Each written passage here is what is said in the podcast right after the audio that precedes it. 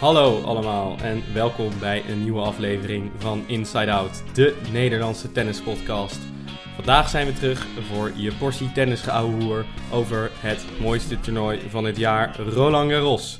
En tegenover me zit hij weer, mijn vaste dubbelpartner Jort.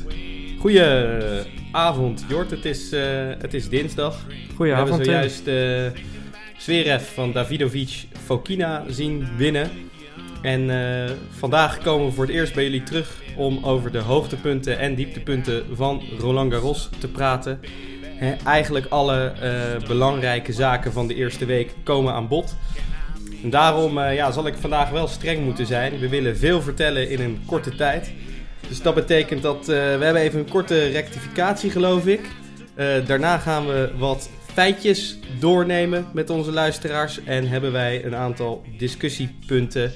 En uh, kijken we natuurlijk hoe goed we tot nu toe in de voorspelling zitten. Maar uh, volgens mij zou jij uh, willen starten, hè? Ja, um, we hebben natuurlijk luisteraars. En dat hebben we ook inzichtelijk. Dus we weten precies welke aflevering wanneer wordt geluisterd.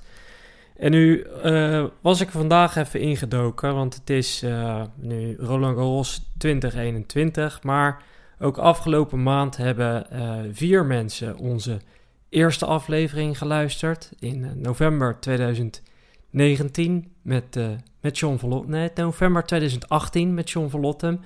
Maar ook uh, acht mensen de aflevering met Tjerk Bokstra begin 2019 als voorbereiding voor het nieuwe seizoen.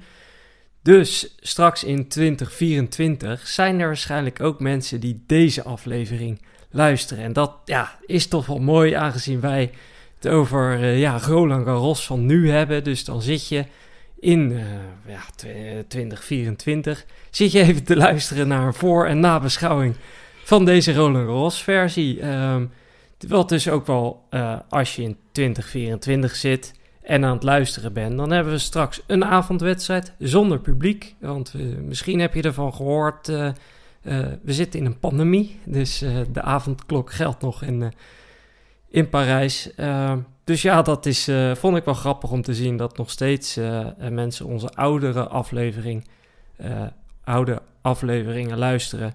En dat kan ik natuurlijk van harte aanbevelen. Of niet, Tim? Ja, zeker. Kijk, ja, we brengen het natuurlijk ook een beetje als grap. Maar er zijn genoeg tijdloze afleveringen die gewoon leuk zijn om terug te luisteren. Maar ook zeker zo'n voorbeschouwing. Ik heb dat in andere podcasts ook wel gezien. Het is ook best leuk om voorbeschouwingen en tijdens verhalen uh, terug te luisteren op het moment dat je al weet hoe het afgelopen is. Dus uh, ik raad het ook iedereen van harte aan. Uh, starten vandaag met een rectificatie.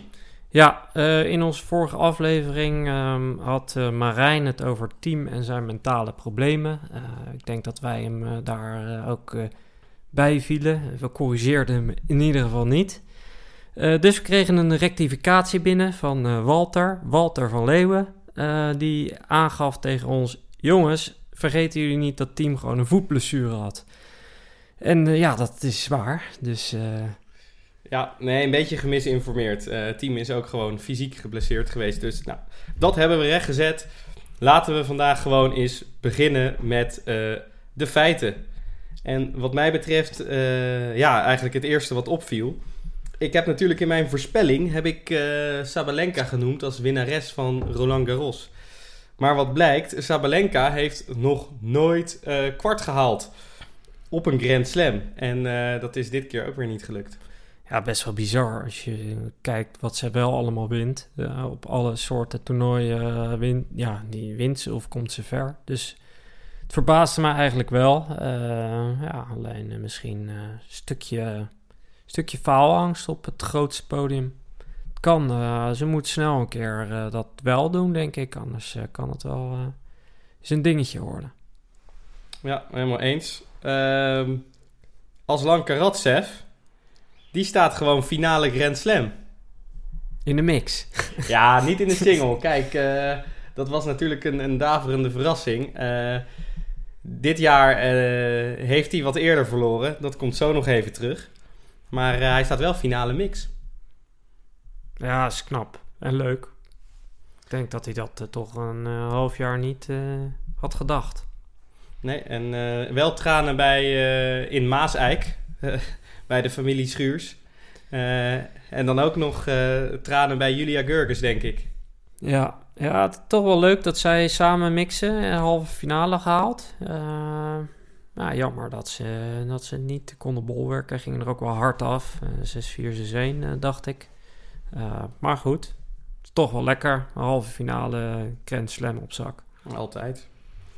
Hey, dan uh, had ik het net al over. Karatsev, vroeg uitgeschakeld dit toernooi. weet je tegen wie die uitgeschakeld was? Ja, zeker. Tegen de oude, de oude Kohli. Koolschrijver. Ja, ik vond dat opvallend en leuk om te noemen in, uh, in deze feitjesparade. Omdat ik eigenlijk zelf het gevoel had... Koolschrijver is gewoon rijp voor de, voor de Duitse clubcompetitie. Club, uh, maar hij heeft uh, dit jaar dus met een overwinning op Karatsev... ook gewoon uh, derde ronde gehaald. Hoe ja. oud is hij? Hij is 37. Oké. Okay. Dus ja, oud als je het met Federer vergelijkt. Nou, valt het mee.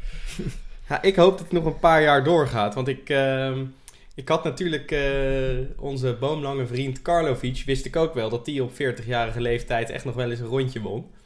Uh, maar Kolskrijber is toch ook wel echt een oud gediende nu. Ja, ja, ja dat kun je wel zeggen. Uh, hij heeft wel eigenlijk een aantal jaar... Ja, leek het inderdaad een aflopende zaak. Nou, nu had hij toch weer derde ronde. Ja. Ja, en hij had kans op meer, maar hij, hij ging er vrij hard af. Tegen? Ja, volgens mij uh, Davidovic. Dus, uh, dat had de route van Botik kunnen zijn. Maar goed. Hey, jij had uh, een feitje over uh, die het best wel goed doet. Ja, die speelde tegen Rus. Ehm, die won van Rus. maar toen kwam ik ergens in een, op een gegeven moment een discussie. Die iemand zei die heeft gewoon Eredivisie gespeeld. En uh, inderdaad, uh, bij uh, Leimonias heeft zij, heeft zij gewoon Eredivisie gespeeld, uh. Rus had alle kansen overigens hoor. stond de eerste set, geloof ik, 5-3 voor. maar verliest twee keer 7-5 door echt wel eigen fouten. Dus dat is ja, echt wel een gemiste kans voor Rus om ja, toch een rondje, rondje te winnen ja, voor zo iemand die rond de 70, 80 staat, is dan zo'n rondje Grand Slam. Uh, ja, dat, dat helpt wel. Daar moet je minder je best voor doen dan weer, uh, wat ik nu weer zag, een hele ITF in uh, Kroatië ja. doorkomen. Weet je, wel tweede geplaatst of eerste geplaatst. Dat is ze dan vaak in die toernooien. Maar ja, het is wel gewoon werken. Ja, absoluut. Goed, daar houdt ze ook van. Dus wat dat betreft niet erg. En dan ja, als laatste, laatste vijfde feitje. ja, de maestro kan natuurlijk niet ontbreken. Ja, ja. Um, in zijn wedstrijd tegen Silic, die hij won, sloeg hij 16 aces. Uh, en dat was uh, in 10 jaar, in zijn laatste 10 jaar Roland Garros, uh, nog nooit zoveel. Dus ehm, ja, serveren is hij nog niet verleerd, kun je wel zeggen. Ja, leuk. Ik vind dat goed om te horen. En ik ben ook wel benieuwd. En we zullen er straks waarschijnlijk nog wel op terugkomen. Of dat, of dat nou puur bij Federer ligt of dat er ook externe omstandigheden een rol spelen. Dat is wel de eerste vraag die ik dan natuurlijk heb. Ja, daar gaan we zo uh, denk ik opkomen. Goed, uh, feiten uh, hebben we gehad. Dan de dingen die er echt toe doen. De discussie. En dan zou ik graag willen beginnen met een jonge speler, met Alcaraz. Wat is jou daar opgevallen? Ja, we hadden hem een aantal keer al genoemd natuurlijk. Um, ik heb van de week zijn wedstrijd eh, tegen Basilashvili voor een groot eh, gedeelte gezien. Uh, de wedstrijd daarna helaas niet. Tegen Jan en het Stroef die die verloor. Maar tegen Basilashvili vielen me twee dingen heel erg op. Hij speelde uh, en zijn armen, nou die jongen is net 18, waren gewoon ja, mega gespierd. eigenlijk à la Nadal. dus ja, het gaat steeds meer vergelijkenissen tonen uh, aan Nadal, uh, wat mij betreft. Maar wat mij nog meer opviel, uh, en dat was me nog niet opgevallen, dat zijn kickservice naar buiten op links echt extreem zwaar was. Dus die Basilashvili, ja, die stond ergens in de hoek bij de lijnrechter die, die bal te, ja, te, te, te, te harken, terug te harken. En nou, hij is, die Alcaraz is zelf ook heel handig, dus hij kon ook heel vaak instappen en een dropshotje spelen, waar hij heel succesvol mee was. Maar dat viel me wel echt op. En dat nou ja, leek wel meer dan bij andere spelers zo te zijn... dat die kickservice echt bizar goed was. Ja, het is natuurlijk een... Uh, zeker op gravel natuurlijk, ik denk... En een heel groot wapen, als je hem echt goed beheerst. Hè. De, ja, de reden daarvoor is op het moment dat je echt een flinke kickservice naar buiten kunt slaan, in principe tegen een rechtshandige speler stuit die bal dus heel hoog de backhand hoek in. Hè? Dus je, je wordt eigenlijk naar de, naar de hoek van de baan gedrukt. Achterin, in de hoek, uh, word je gedwongen om eigenlijk boven schouderhoogte een backhand return te slaan. omdat je zo ver weg staat, heb je wat mij betreft dan eigenlijk maar één mogelijkheid. En dat is hem dus heel hoog proberen door het midden terug te spinnen. Maar dat kost enorm veel kracht. Op het moment dat hij niet hoog genoeg is en je tegenstander loopt door, want ik bedoel, die staat, je staat toch ver achter de lijn, kan je tegenstander hem makkelijk wegvolleren. Op het moment dat je hem eigenlijk laag probeert weg te slaan, kan de ander ook meteen counteren de, de forehand hoek in. Dus het is gewoon, uh, denk ik, een heel groot wapen om te hebben. En natuurlijk ook, uh, en, en daar gebruiken wij hem zelf ook voor, is omdat het natuurlijk gewoon een hele veilige keuze is. Dat je hem heel ruim over de netband kunt slaan en hem... Uh, en hem toch makkelijk in het vak kunt, uh, kunt laten stuiten. dat is misschien nog wel, uh, vonden wij in ieder geval wel aardig, omdat we hem zelf ook gebruiken en ja, dat hebben aangeleerd gekregen of hebben aangeleerd. Ietsje dieper in te gaan op wat zouden nou factoren kunnen zijn waarom Alcaraz dan zo'n enorme kickservice kan slaan. En uh, ja, misschien wil jij aftrappen met, uh, met wat daar belangrijk in is. Ja, ik denk sowieso dat die armen, dat hij daar wel extra wat uit kan halen. Weet je, uh, je ziet heel veel spelers die dat niet hebben. ja, ik kan me wel voorstellen dat je in ieder geval daar net even dat extra beetje mee kan, kan halen. Verder, ja, hij gebruikt denk ik zijn benen goed. Hij gooit hem goed achter zich. Uh, dat is op zich niet iets anders dan andere. Uh, maar ja, wat eruit komt is wel, uh, vond ik indrukwekkend. Ja, ik denk dat het bij hem inderdaad een, uh, een combinatie is. Wat, hoe ik het zie, wat je nodig hebt voor echt een grote kickservice, is natuurlijk absolute kracht. Hè, dat zal bij hem zeker meespelen. Uh, maar wat je, wat je vooral ook nodig hebt, is, uh, is een extreme indraai. Oh. En, uh, en, en, en dus dito buikspieren. Want voor echt een goede kickservice zul je echt eerst heel diep moeten indraaien, eigenlijk. Dus dat betekent voor een rechtshandige speler dat je rechter elleboog echt heel ver achter je moet draaien. En dat je eigenlijk vanuit die positie, met inderdaad een, een opgooi die wat, wat links achter je is, dat je hem van daaruit echt vol vanuit je buikspieren die, die rotatie erin kan brengen. En die, die, die beweging omhoog kan maken eigenlijk. Om er heel veel kick in te, in te gooien. Ja, ja, dat helpt dat stukje fysieke fitheid uh, daar zeker bij, denk ik. Dus misschien uh, voor, de, voor de luisteraars die er zelf mee aan de slag willen. Probeer het maar eens, een kickservice vanaf links. Vanaf links is het wat makkelijker diep indraaien, de bal een beetje links achter je gooien. Maar let wel echt op je buikspieren. Want als je dat echt goed doet, dan ga je dat meteen voelen in je buikspier. En uh, ja, dit is ook een van de redenen waarom er, uh, waarom er buikspierblessures optreden. Dat is ook echt wel toe te, wijden, uh, toe te wijzen aan die kickservice. Goed, ehm, dat was wat mij betreft discussie 1. volgende stelling heeft natuurlijk met, met de afmelding van Osaka te maken. Uh, en ja, wat, wat mij betreft zou de, de stelling kunnen zijn: uh, Osaka heeft het uh, volledig recht en gelijk om zich af te melden op Roland Garros, omdat ze de pers niet te woord wil staan. Um, ja, dat hangt er wel een beetje vanaf wat, uh, wat de grondslag is, wat het echte verhaal is. Um, zij heeft eerst gezegd: ik speel, maar ik sta de pers, pers niet te woord. Nou, iedereen, uh, waaronder ik zelf, was uh, eigenlijk furieus. Want uh, ja, je praat niet met de pers, je praat met de mensen. Eh, en hoe kan je dat niet doorhebben als je best betaalde vrouwelijke tennisser bent?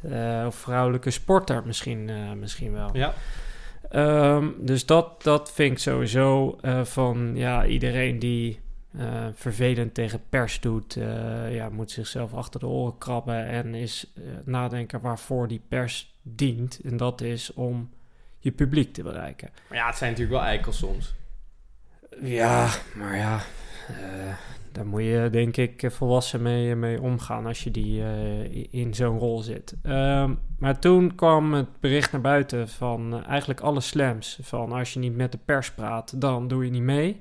denk ik een heel sterk statement. Um, wat ook bijval kreeg van bijvoorbeeld Nadal.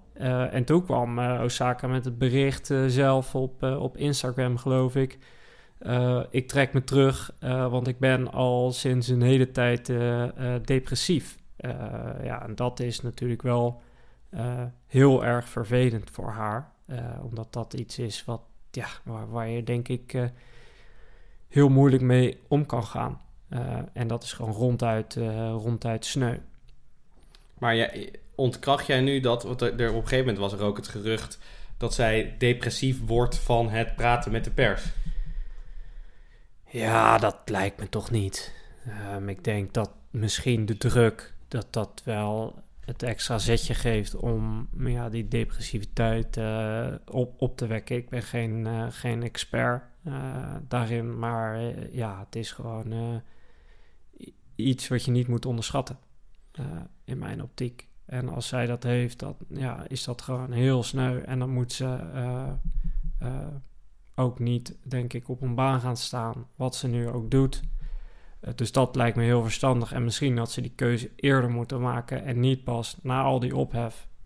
Dat denk dus ik ook. Ik, ik vind dat wel, uh, dat is wel, weet je, zij heeft uh, waarschijnlijk een, een, management om zich heen van nou, misschien wel tien of meer mensen. Ja, dan zou toch wel iemand daar hebben moeten, iets verstandigs moeten hebben gedaan, eigenlijk ik vind het uh, wel kwalijk hoe dit, uh, hoe dit haar dus nu schaadt. Want het schaadt haar, hoe dan ook. Het schaadt haar zeker, want uh, ja, ik was er ook niet over te spreken. Hè? Maar je, je kent natuurlijk nooit het echte verhaal. Maar ik denk dat ze er goed aan heeft gedaan om niet mee te doen. En ik denk ook wel dat het echt goed is dat hier de, de ATP, WTA of welke organisatie het ook was, hier wel gewoon een harde lijn trekt. Want ik vind als profspeler uh, heb je ook uh, dit soort verplichtingen. Niet naar de pers, maar wel naar de fans. Want de fans zorgen uiteindelijk er ook voor dat, uh, dat de sport blijft draaien. Ja, exact. En dat is wel, vond ik wel heel sterk. Wat, ja, waar je in heel veel sporten toch ja, een bond heel lafjes ziet optreden. doet de, de, de tennisbond het uitstekend, denk ik. Helemaal eens. Uh, discussiepunt 3 gaat weer over een afmelding. Uh, Federer heeft het volste recht om zich af te melden uh, midden in het toernooi. Ja, ben ik het eigenlijk wel mee eens. Um, beetje context helpt daar natuurlijk wel bij. Kijk, Federer is lang geblesseerd geweest. speelt Roland Garros eigenlijk als voorbereiding voor op, uh, op Wimbledon en de rest van het jaar. En staat dan op een, gegeven moment, uh, op een gegeven moment staat hij in de derde ronde tegen de Duitse Koepfer uh, in een leeg stadion op middernacht. Echt te, ja, te grinden, kunnen we wel zeggen. Die baan was mega traag. Ik moet wel zeggen, de manier hoe hij speelde was niet des Federers, weet je, die, die aanvallende Federer die we zo graag willen zien. Maar wel de vechtende Federer. Ik vond dat eigenlijk wel mooi. En hij trok hem er echt met moeite uit. Ook omdat die Koepfer uh, de, de, kansen echt wel liet liggen. Ja, als je zo lang speelt en uh, ja, waarschijnlijk uh, helemaal naar de kloten bent, dan, dan snap ik het wel. Um, Daarbij is het ook zo, kijk, het argument is een beetje van, ja, als je meedoet, dan moet je ook vol meedoen, geen gezeik. Hij had ook kunnen zeggen, ja, schouder uh, naar de kloten, ik, ik ja, kan, niks meer. Dan was er niks over gezegd. Dus het feit dat hij daar eerlijk over is, siert hem sowieso. Daarnaast, als een, uh, in een andere sport, uh, noem voetbal, een speler terugkomt van een lange blessure dan speelt hij de eerste wedstrijd ook een kwartiertje. En het tweede, al, het tweede wedstrijd een half uur. En dan uh, na zes wedstrijden speelt hij een keer 90 minuten. Hetzelfde geldt voor een, een, wielrenner. Die kan zich ook rustig na tien dagen Tour de France terugtrekken. Zonder dat iemand daar moeilijk over doet. En dat gebeurt ook. Dus eh, ja, ik, ik vind het niet zo gek en ik vind het wel... Kijk, het is misschien niet helemaal chic, maar Federer verdient toch wel meer krediet dan, eh, dan dat hij van sommigen in ieder geval krijgt. Ja, ik ben het er gewoon niet helemaal mee eens. De, de punten die je aandraagt zijn meestal goed. Kijk, in, het, in die parallel met wielrennen. In het wielrennen wordt er ook wel steeds meer gezegd van... ja, ik vind dat niet kunnen en je, je claimt de plek van een ander... en uh, met voorbedachte raden uitstappen. Ja, dat is ook niet de netste manier meer, eigenlijk. Um, en ik vind dan, ja, in het, in het voetbal vind ik het sowieso iets anders in een in, in teamverband... waar je gewoon wisselspelers hebt en het team draait niet om één speler... Kijk, ik denk dat Federer heeft, er, heeft de juiste keuze gemaakt om niet willens en wetens door te tennissen op het moment dat hij er niet klaar voor is en zijn lichaam om zeep helpt enzovoort. Maar ik denk ook, misschien moet je er toch niet aan beginnen als je weet dat je hem toch niet uit kan spelen. En dan kun je zeggen van, ik ga er vrij in en ik bekijk het per ronde. Maar als je weet dat je niet af kan maken, moet je er misschien ook niet aan beginnen. Het heeft, het heeft mij in ieder geval... Federer krijgt alle credits, maar het heeft zijn imago bij mij niet... Uh, verder de lucht in geholpen. Nee, maar ik vind het ook best wel uh, kwalijk van, uh, van de organisatie die uh, dit soort eh, wedstrijden zonder publiek om negen uur, nou, als het dus lang wordt, middernacht laten spelen. De omstandigheden zijn totaal anders dan overdag. Dat heb je niet bij een, een US Open, waar wel s'avonds wordt gespeeld. Daar is het toch redelijk gelijk die baan was gewoon veel trager. Terwijl juist dit jaar uh, overdag die baan best wel snel was. En dus die omstandigheden zijn zo wisselend. Uh, dus ja, ik vind dat de organisatie hier zichzelf ook al in de vingers mee snijdt om, om Federer op een trage baan te zetten. Nee, dat is toch gewoon uh, prima? Om die avondwedstrijden uh, te spelen. Ja, ze hebben een nieuw speeltje, hè? Dat is het. Het dak kan dicht. Ze kunnen voor het eerst avondwedstrijden faciliteren. Dus ik snap ook dat als ja, het maar nieuw je speelt is... zonder publiek. Ze spelen... Die, dus dat, dat komt er ook nog eens bij. De, één, de omstandigheden. En twee, er mag geen publiek bij zitten omdat die avondklok er is. Ja, maar je, je weet niet wat er nog meer van afhangt. Misschien wordt een avondwedstrijd heel goed bekeken op andere continenten en zet je dan uh, Federer daar neer. Ja, ik denk als je hem op uh, zes uur zet, of vijf uur. Het had voor het publiek uh, ter plaatse zeker leuker geweest, en, daar ben ik het mee eens. Nadal en Djokovic hebben ook allebei zo'n avondwedstrijd gehad. Ja, ik vind het niet echt ik zou het ook anders plannen. Maar uh, misschien willen ze ook gewoon uh, ja, een beetje showcase dat ze die avondwedstrijden ja, hebben. het, is het, het is het nieuwe speeltje. En misschien als Federer gewoon overdag had gespeeld, had hij die, die Cooper uh, opgerold in, in anderhalf uur. En heb je morgen gewoon een, een mooie wedstrijd tegen, tegen Berrettini. Ja, maar kijk, dit vind ik dus niet terecht. Ik bedoel, het zou niet af moeten hangen van hoe makkelijk je wint, hoe lang je in een toernooi blijft zitten. Nee, maar dit, dit zo'n lange wedstrijd, zo'n slijtageslag. Uh, maar het was ook wel. geen uh, vijfzetter met, uh, nee, met een doortellen in games en alles. Vier sets met een aantal tiebreaks. Ja, kom op. Ja, ja oké. Okay. fair point. Maar ik begrijp hem heel goed. En... ik, ik begrijp ik, dat ik, toen die meedeed en die afzegde, kan ik daarin komen. Maar heeft het mijn uh, Federer-imago uh, gesterkt? Dat niet. Mij ook niet gesterkt, maar ook uh, zeker niet gezwakt of verzwakt. Prima. Hey, wij gaan naar het vierde discussiepunt. Ehm, Frankrijk als tennisland staat er het, het, het slechtste voor tot nu toe. Ja, dat, het was wel heel treurig dat ehm, in een tweede ronde partij uh, van Gasquet tegen Nadal. Dat was die avondwedstrijd. Dat uh, Gasquet de laatste Franse speler was. Ook, uh, ook de dames meegeteld. Die in het toernooi zat. Ja, dat is wel heel triest. Want ja, we kunnen daar natuurlijk allerlei dingen voor bedenken. jij hebt ongetwijfeld wat onderzoek gedaan ja, wat, wat zijn de mogelijke oorzaken en, uh, en kunnen we in ieder geval wat makkelijke dingen eruit filteren? Ja, je kan kijken, misschien deden er wat minder mee. Ehm, ik heb net even bij de mannen snel gekeken. Er deden er 17 mee. Meen je niet? Dus Dat alleen mannen. alleen mannen. eh, met een aantal wildcards. En eh, nou ja, de, de, de bekende namen als eh Monfils, eh, Tsonga, eh, Gasquet, eh, eh, Een beetje de, ja, de gouden Franse generatie deden ook allemaal mee. Eh Monfils haalde wel eh, tweede ronde, maar verloor van eh, Michael Eimer. Ehm, dus aan het aantal ligt het niet. Eh, dan kan je nog kijken. Loting.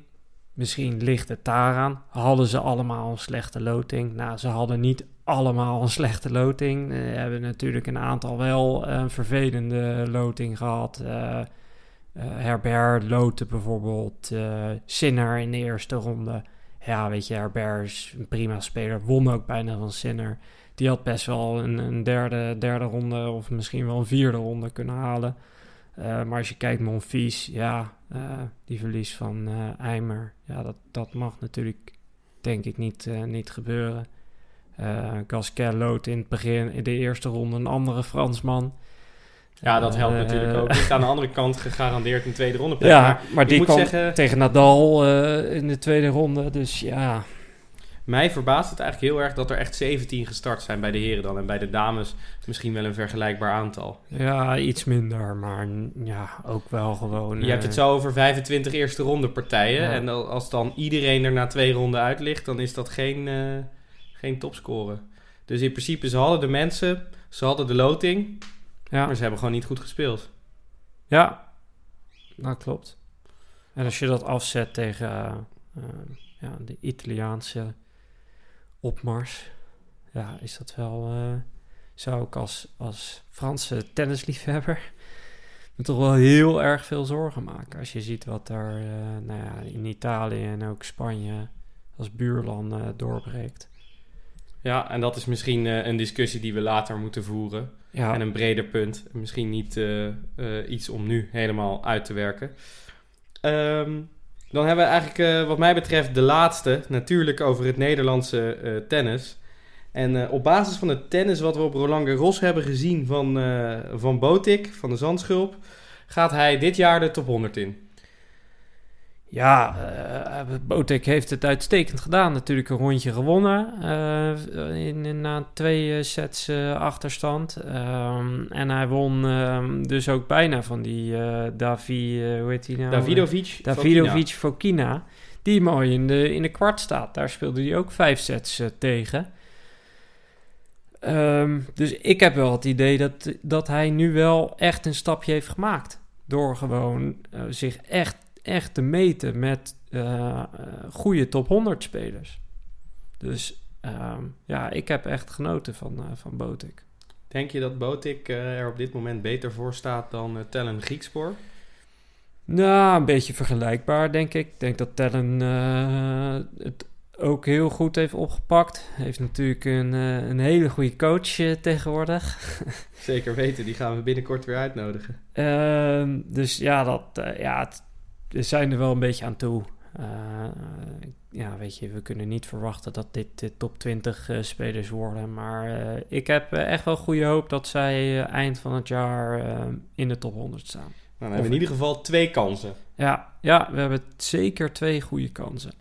Nou, dan, gaan we, dan gaan we dat in de gaten houden. Hey, laatste agendapuntje van vandaag. Dan zitten we ook uh, weer tegen het uh, beloofde half uur aan. Um, de voorspellingen. De pronootjes. Hoe, uh, hoe staan we? Ik heb, ik heb Sabalenka gezegd. Die ligt eruit. Ja, ja ik eh, heb natuurlijk een beetje laf, laf gekozen met Nadal en, en Swiatek. Die zijn allebei nog op koers om het toernooi te winnen. Nadal is echt, echt weer schofterig goed. Heb je een goede Nadal gezien? Ja, niet normaal. Weet je, hij speelde tegen Sinner. Sinner is gewoon een hele goede speler. Hè? Die, uh, die is, staat dit jaar nog in de top 10. ja, die, hoe die zeker op de belangrijke punten hem gewoon kinderlijk aan de kant zet. Uh, wederom geen, uh, geen set uh, verloren. de laatste set die hij verloor was van Schwartzman, geloof ik. Oh ja, dat weet ik nog wel, die pot, ja. Ja, dat was ook één setje dan. Eén setje, nou, moet nu wel tegen Zwartsman, dus eh, wie weet. Zwartsman is ook niet de Zwartsman eh, van toen, dus eh, Nee, nee. ik ben heel benieuwd.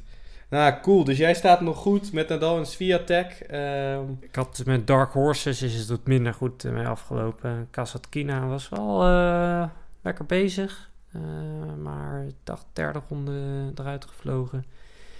En ik zei eh, Shapovalov, die twee dagen na de uitzending eh, zich terugtrok. Dus dat eh, was jammer. helaas, daar was je te vroeg mee. Ja, mijn Dark Horse eh, staat klaar en hoeft niet te spelen om in de, in de kwart te komen. Ja, Dus ik ben wel heel benieuwd hoe Berrettini het gaat doen tegen, tegen Djokovic. Waarschijnlijk, hopelijk. ja. En dan had eh Marijn ook nog wel een paar aardige. Ja, Marijn heeft natuurlijk Tsitsipas genoemd. Die doet het ook goed. Die moet zo meteen eh, tegen, tegen Medvedev. Dat is ook wel grappig. Eh, Die had nog geen potje gewonnen op, ehm, op, op Roland Garros. En die staat nu ook zomaar eh, even, even kwart. Ja, ik vind dat wel echt zo'n scorebord feitje, als ik heel eerlijk ben. Nee, Medvedev is gewoon een goede nee, speler, ook nee, op een nee, gravel. nee, nee. Het is niet raar dat hij kwartfinale haalt. Ja, dat klopt. Maar hij zit altijd te janken dat hij gravel haat. hè. En hij heeft toch- toch ergens een knop weten om te zetten dat hij, dat hij toch denkt van, ah ja, kan Het is gewoon een goede speler. eh Ja, dat klopt. of niet. En dan kun je gewoon kwart halen. Ja, ik vind dat niet het noemen waard. Nee, ja, oké, oké, oké. Nee, het Tsitsipas, eh die had hij dus eh, genoemd. En bij de dames uh, was winnaar Barty. Die is natuurlijk eh, eh, geblesseerd uitgevallen. Ja. Maar noemde wel Badoza en, eh en Gauf. Gauf zit er nog in en Badoza verloor vanmiddag eh, nipt. Ja, die hebben het lang uitgezongen. En volgens mij zit Gauf nu een beetje in dat stukje waar eigenlijk Barty zat. Ja, Gauf, eh, ja, die is ook eh pas 17, dacht ik. Die heeft nog een lange weg te gaan. Eh, die komt er wel. wij in deze aflevering eh, niet meer. Eh, de voorspellingen van onze luisteraars, die houden we nog even geheim. Er zitten denk ik, wat ik van jou hoorde, Jort, vanuit de socials en vanuit ons eh, mobiele nummer. heel veel tussen. mensen Nadal en Swiatek gezegd, dus ja. Oké, nou ja, goed. Dan gaan we het op basis van gunning weggeven, mocht het uitkomen. Eh, dus dan wordt, het, eh, dan wordt het loten en dan gaan we kijken wie er bij ons in de uitzending komt. Ik eh, dank jullie in ieder geval weer voor het luisteren naar deze snelle Roland Garros update. Wij komen volgende week natuurlijk bij jullie terug met ja, alle uitkomsten, alle uitslagen en wat we verder nog te bespreken hebben na het mooiste toernooi van het jaar. Heb je reacties, vragen of opmerkingen? Stuur ons even een, appje, tekst ons op de socials, laat het weten en dan, eh, dan nemen we het mee. Dus eh, tot de volgende keer. Groetjes.